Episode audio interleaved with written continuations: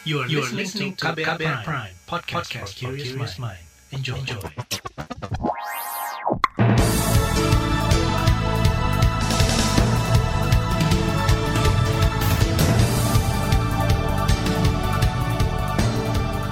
Selamat pagi saudara, senang sekali kami bisa menjumpai Anda kembali melalui program Buletin Pagi edisi Senin 31 Mei 2021 bersama saya Naomi Liandra.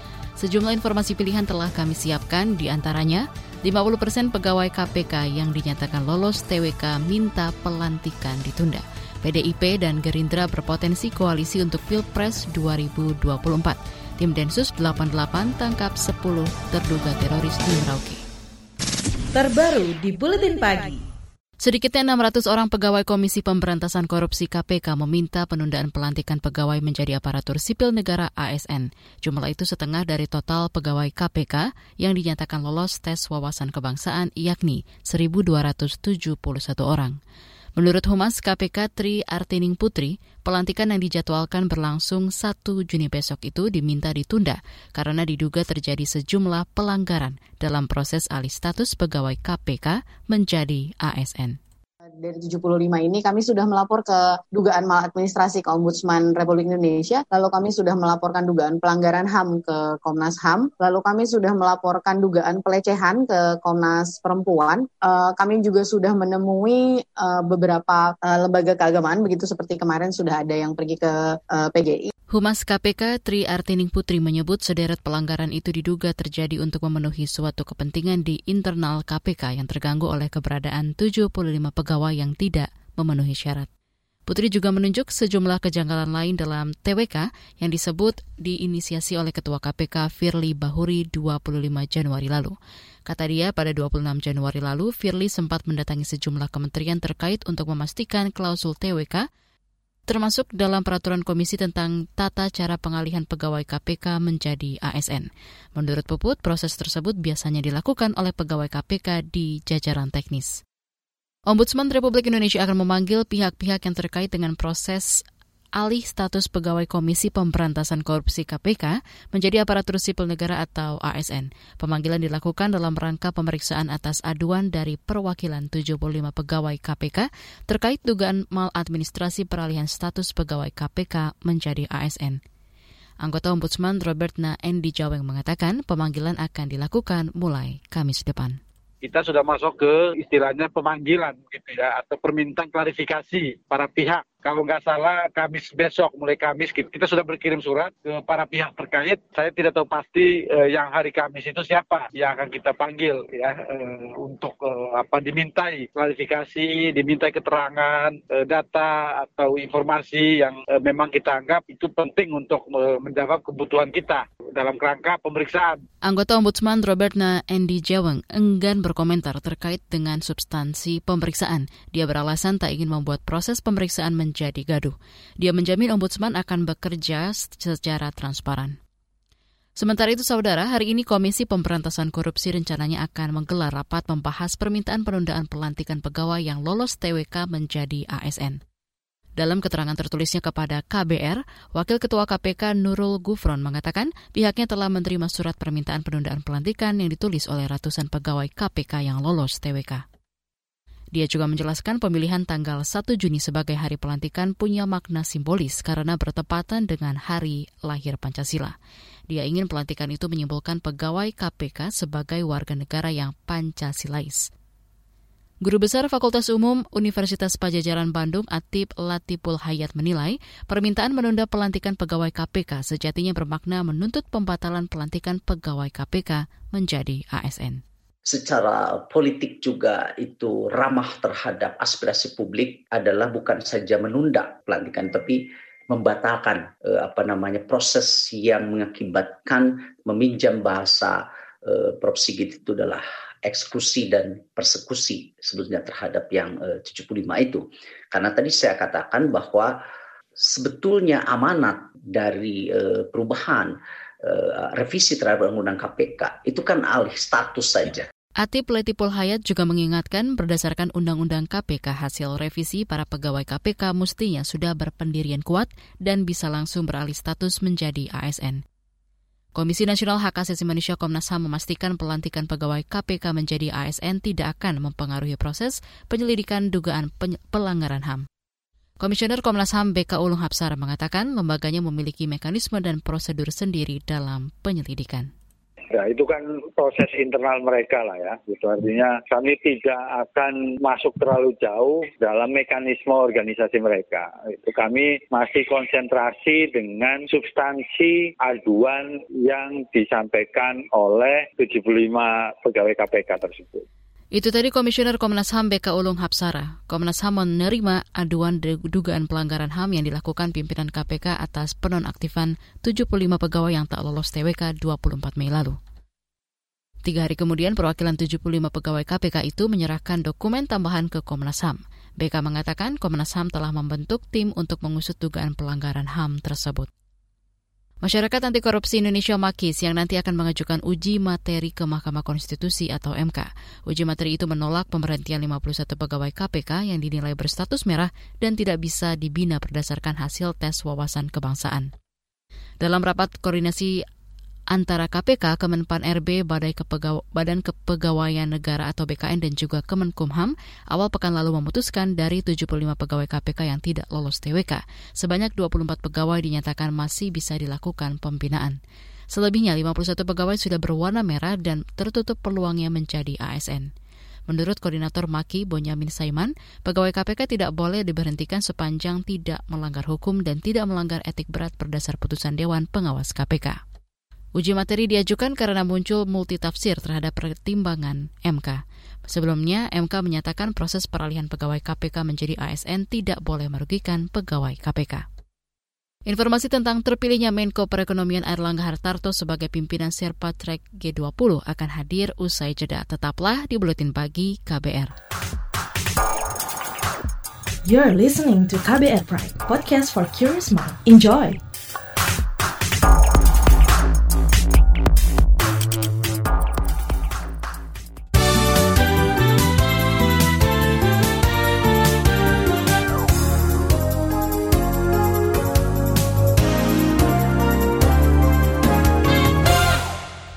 Anda sedang mendengarkan buletin pagi KBR.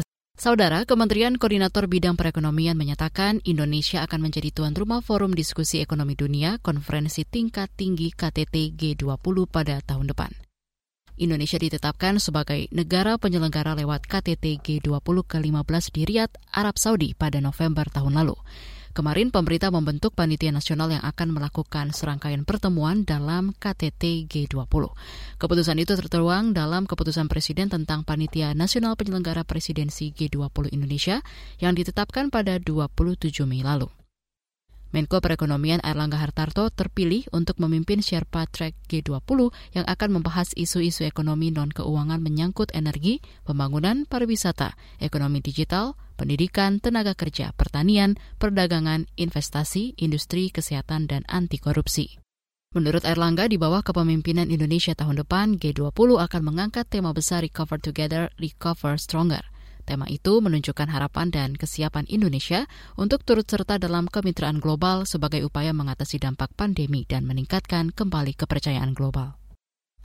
Kita beralih ke soal lain. Partai Demokrasi Indonesia Perjuangan PDIP dan Gerindra disebut berpotensi koalisi dalam Pilpres 2024. Pengamat politik menilai peluang koalisi antara PDIP dengan Gerindra pada Pilpres 2024 akan didukung oleh kesamaan ideologi partai politik yaitu nasionalis.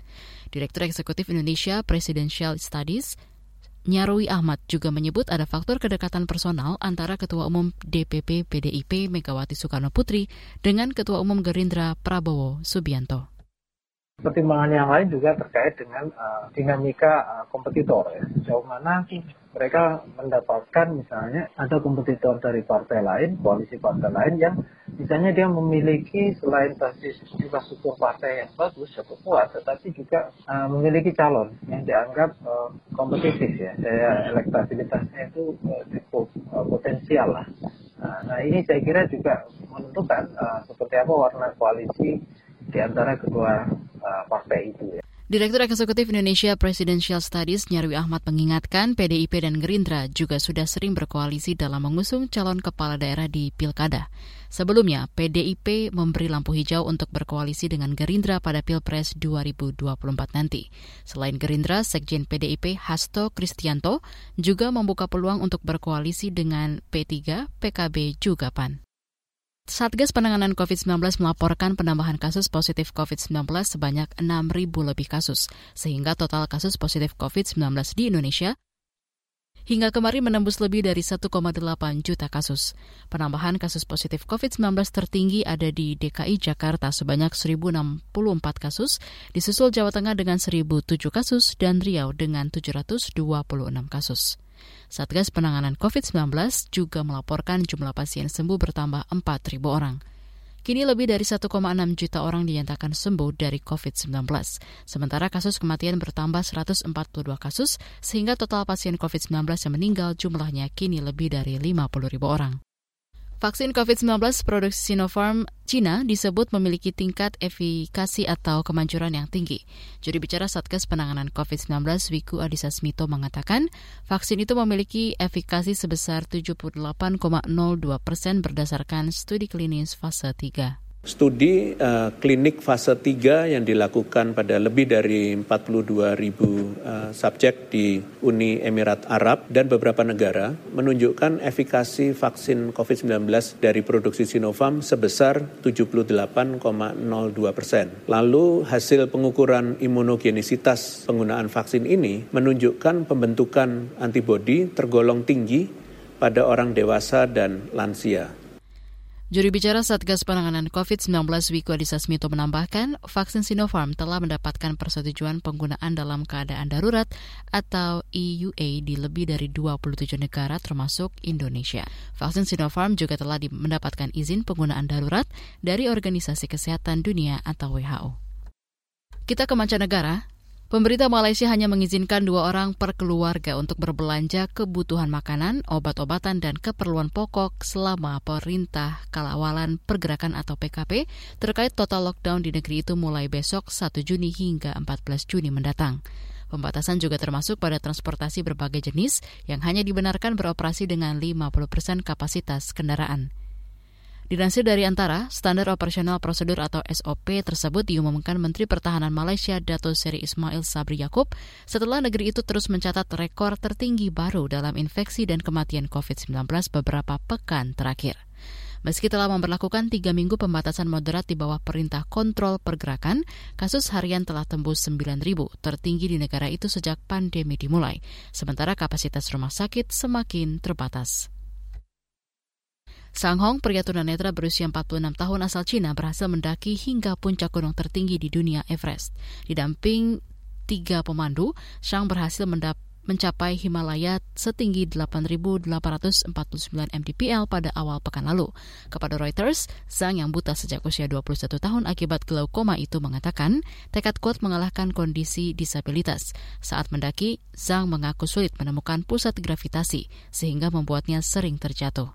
Ia menyatakan terinspirasi pun pendaki tunanetra asal Amerika Eric Owen Hermeyer yang menaklukkan puncak Gunung Everest pada 2001 silam. Shang kini tercatat sebagai tunanetra pertama di Asia dan ketiga di dunia yang sukses menaklukkan Everest. Kita beralih ke berita olahraga. Dua kali kalah dalam laga uji coba melawan Afghanistan dan Oman, pelatih timnas Garuda Shin Taeyong tetap optimis. Juru taktik asal Korea Selatan itu yakin para pemainnya masih bisa menunjukkan performa lebih baik. Shin Taeyong menilai hasil akhir bukanlah hal terpenting dalam sebuah pertandingan uji coba, melainkan bagaimana mengetahui kelemahan dan kekurangan tim untuk cepat diperbaiki. Di Dubai, timnas Garuda masih akan menjalani tiga laga terakhir grup G kualifikasi Piala Dunia 2022, zona Asia melawan Thailand, Vietnam, dan tuan rumah Uni Emirat Arab. Saga KBR bertajuk Kala Jurnalis Kampus Berjumpa Kelompok Minoritas Agama akan kami hadirkan sesaat lagi. Tetaplah di Buletin Pagi KBR. You're listening to KBR Pride, podcast for curious mind. Enjoy!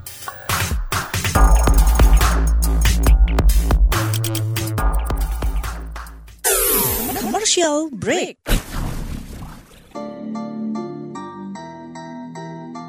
Come on yo, buat yang sukanya berhoax, You better listen to this one. Check this one out, yo.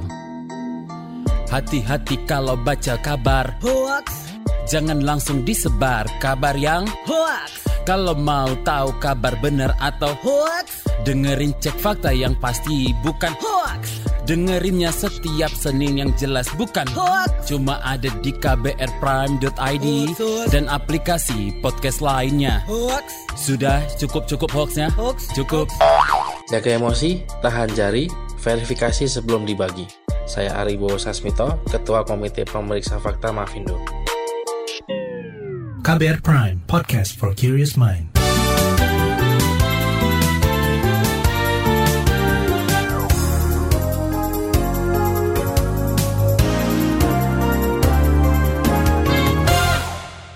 Dunia kampus berpotensi menjadi lahan subur penyebaran paham intoleran jika dibiarkan generasi muda terancam mewarisi karakter anti keberagaman. Demikian halnya bagi mahasiswa yang berminat bekerja di media. Pemahaman tentang kebinekaan perlu ditanamkan sejak berkecimpung di lembaga pers kampus. Beberapa waktu lalu, komunitas lintas iman menginisiasi perjumpaan antara insan pers kampus, kampus dengan kelompok minoritas agama di Kuningan, Jawa Barat. Jurnalis KBR Siti Sadida Hafsyah mengamati langsung momen perjumpaan tersebut. SMA masih mendapatkan diskriminasi dari guru agama itu lucu sih. Ini adalah Reni Zahra Pratiwi, tokoh muda Ahmadiyah Manislor, Kuningan, Jawa Barat. Ia tengah bercerita tentang diskriminasi yang dialaminya kepada puluhan jurnalis kampus. Mereka berkumpul dalam forum bertajuk Jurnalisme Keberagaman yang digelar di Kuningan sebelum pandemi. Penyelenggaranya adalah Jemaat Ahmadiyah Indonesia bekerjasama dengan komunitas adat Sunda Wiwitan dan Persatuan Gereja Indonesia wilayah Jawa Barat. Reni mengisahkan sikap intoleran yang diterimanya sewaktu masih sekolah. Ia diperlakukan tidak adil karena stigma sebagai penganut ajaran sesat. Kenapa kamu dengan potensi kamu yang seperti itu mau masuk dalam ajaran yang sesat? Nah, di posisi saya yang masih remaja gitu ya, kayak sakit banget gitu. Ya karena ketidaktahuan, kemudian rasa bencinya akhirnya nilai agama saya kelas 2 itu kosong tidak ada di.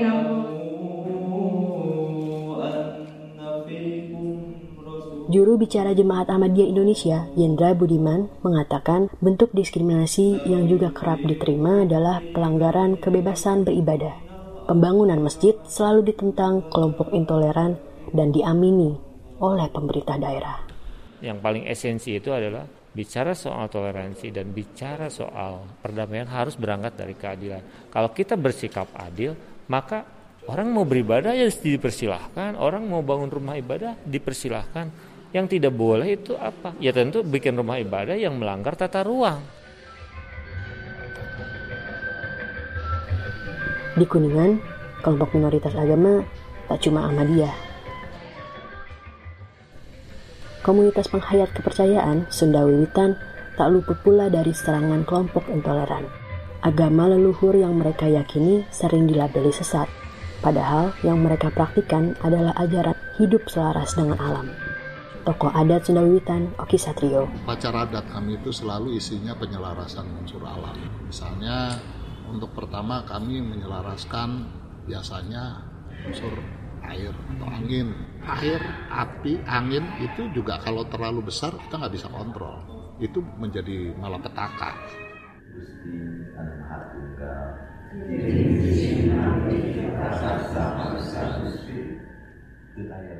Ritual ini disebut kurasan, tanda syukur kepada Tuhan.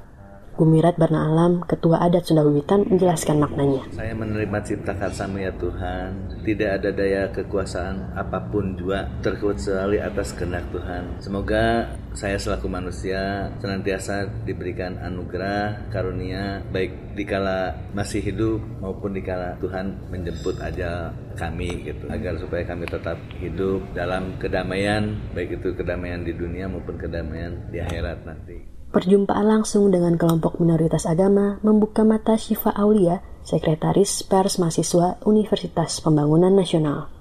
Dulu ia punya pemahaman keliru tentang Sunda Wiwitan. Pertama ya, sebelum kenal Sunda Wiwitan, aku kira tuh kayak dia itu memuja benda-benda mati. Kalau misalkan di dalam Islam itu kan nggak boleh gitu kan memuja benda mati. Ternyata pas datang itu bukan memuja gitu loh. Itu tuh emang caranya dia buat beribadah. Tapi dia sama nyembahnya nyembah Tuhan kayak gitu. Cara Rekan Syifa, Nafi Sekar Arum juga memetik manfaat yang sama. Menurutnya perspektif keberagaman dan toleransi sangat penting bagi jurnalis.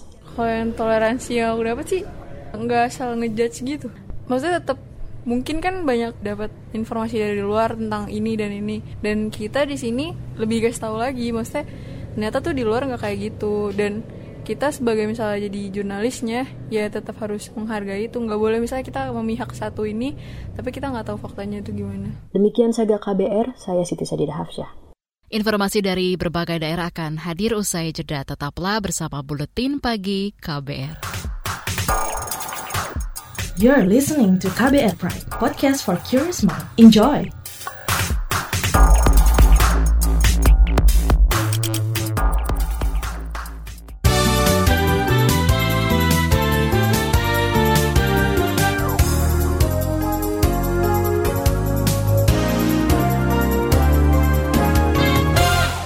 Inilah bagian akhir buletin pagi KBR. Kita ke Papua.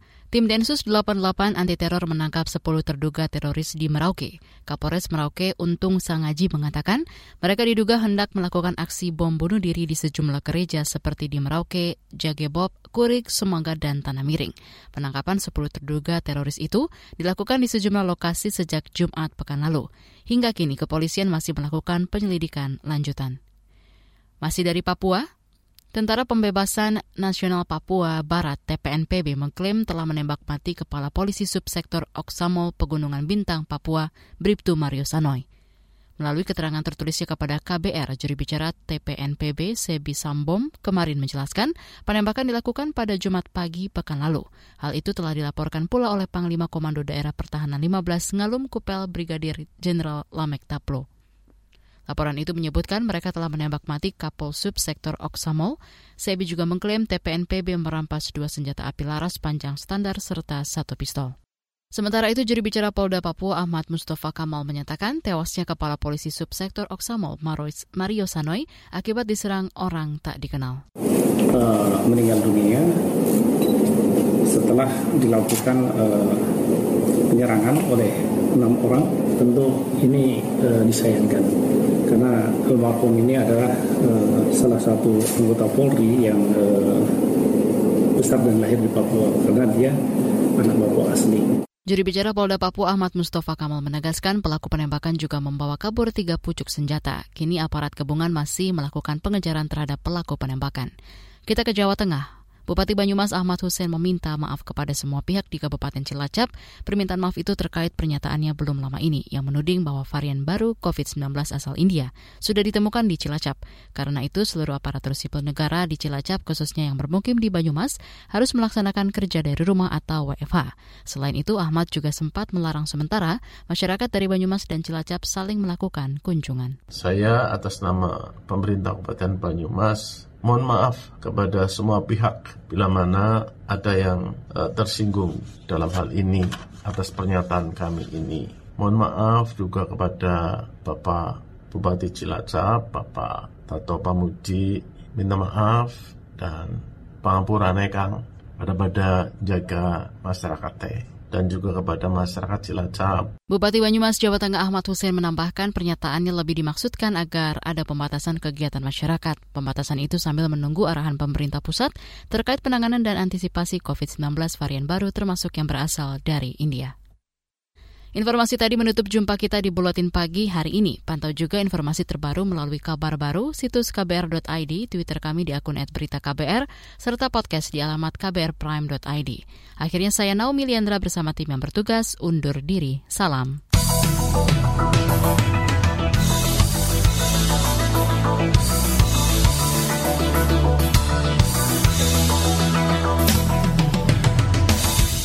KBR Prime, cara asik mendengar berita. KBR Prime, podcast for curious mind.